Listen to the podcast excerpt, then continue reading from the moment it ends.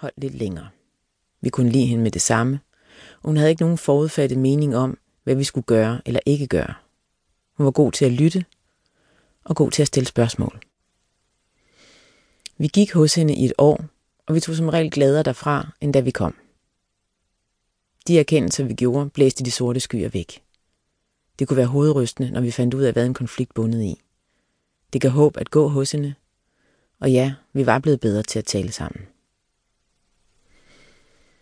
Nu trak stormvejret op igen. Vi havde ikke for alvor givet slip på uoverensstemmelserne. En dag blev jeg syg, som jeg aldrig havde været det før. Jeg kunne ikke få noget mad ned. Knap nok træk vejret. Efter 10 dage uden mad var jeg tynd, mens min hals var blevet tyk. Da lægen lyste mig ned i svælget, sendte hun mig akut på hospitalet. Jeg skulle have punkteret en byld på størrelse med en oliven. Jeg skulle også have punkteret min tvivl. Det var derfor, jeg opsøgte en klaverjant. Ikke at jeg sådan helt troede på klaverjance. En del af mig gjorde i hvert fald ikke, men jeg havde en veninde, der havde fået gode råd fra en klaverjant, og jeg var villig til at give det en chance. Fra en bekendt hørte jeg, at Anna Lund var den bedste klaverjant i København. Hun havde haft evnerne til at se det usynlige, siden hun var født. Hun var the real thing. Jeg ringede til hende og lagde en besked på hendes telefonsvarer. Nogle dage efter ringede hun tilbage, og jeg spurgte hende, hvor meget hun skulle have for en session. Hun nævnte beløbet i et let tonefald, så det lød som en tilfældighed, jeg ikke skulle tage mig af. 1200 kroner for en time. Jeg skød det ud af hovedet. Efter endnu en aften, hvor min kæreste og jeg sad i køkkenet og talte om vores forhold, opdagede jeg, at jeg var blevet følelsesløs. Jeg kunne ikke mærke noget mere. Det skræmte mig, at jeg havde lukket mig inde, og det skræmte mig endnu mere, når jeg prøvede at åbne op.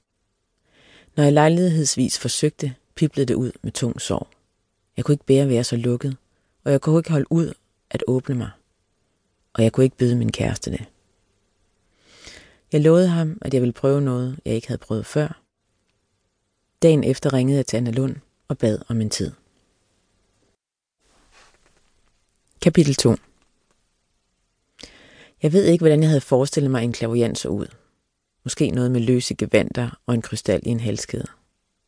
Men Anna Lund lignede ikke min forestilling.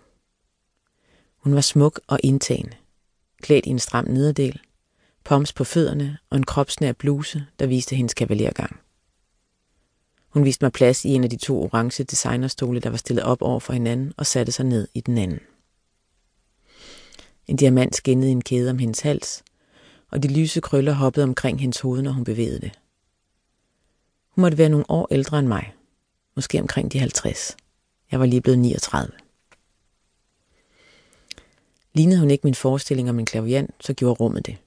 Og men på en lige så elegant og diskret måde som hendes påklædning. Der var billeder af engle, men det var poetiske billeder i antikke sølvrammer. På den ene af væggene hang en perleomvunden kondorfjer på en lille messingkrog.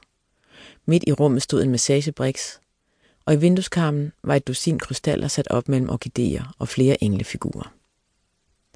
Alt sammen orkestreret med præcision. Jeg satte mig over for hende og sagde, at jeg var kommet, fordi det ikke gik godt i mit parforhold, og ikke havde gjort det længe. Jeg var i tvivl om, hvad jeg skulle gøre, og jeg ville høre, om hun kunne sige noget om det. Hun kiggede på mig, som om hun scannede mig. Hun var stille i et langt minut. Jeg tænkte på, hvordan hun så mig. Sikkert træt og nedslidt. Så pegede hun på min hals, derinde under mit store tørklæde, der hvor jeg lige havde fået punkteret en byld, og sagde, at mit halschakra, energicentret i halsen, var blokeret. Du holder meget tilbage, du skal lære at udtrykke dig, sagde hun. Jeg sagde, at det med at udtrykke sig ikke var noget, jeg havde problemer med. Jeg var sådan en person, der sagde, hvad jeg mente. Faktisk skulle jeg lidt for ofte sige min mening. Nej, ikke på dit arbejde, men derhjemme. Jeg vil gætte på, at du ikke er god til at sige, hvis du er vred, fortsatte hun. Hun havde sagt gætte, men hun gættede ikke, og hun havde ret.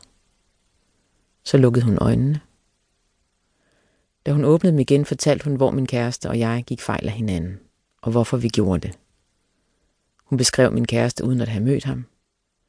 De få ord, hun benævnte ham med, kendetegnede nogle sider af ham. De sider, jeg havde svært ved at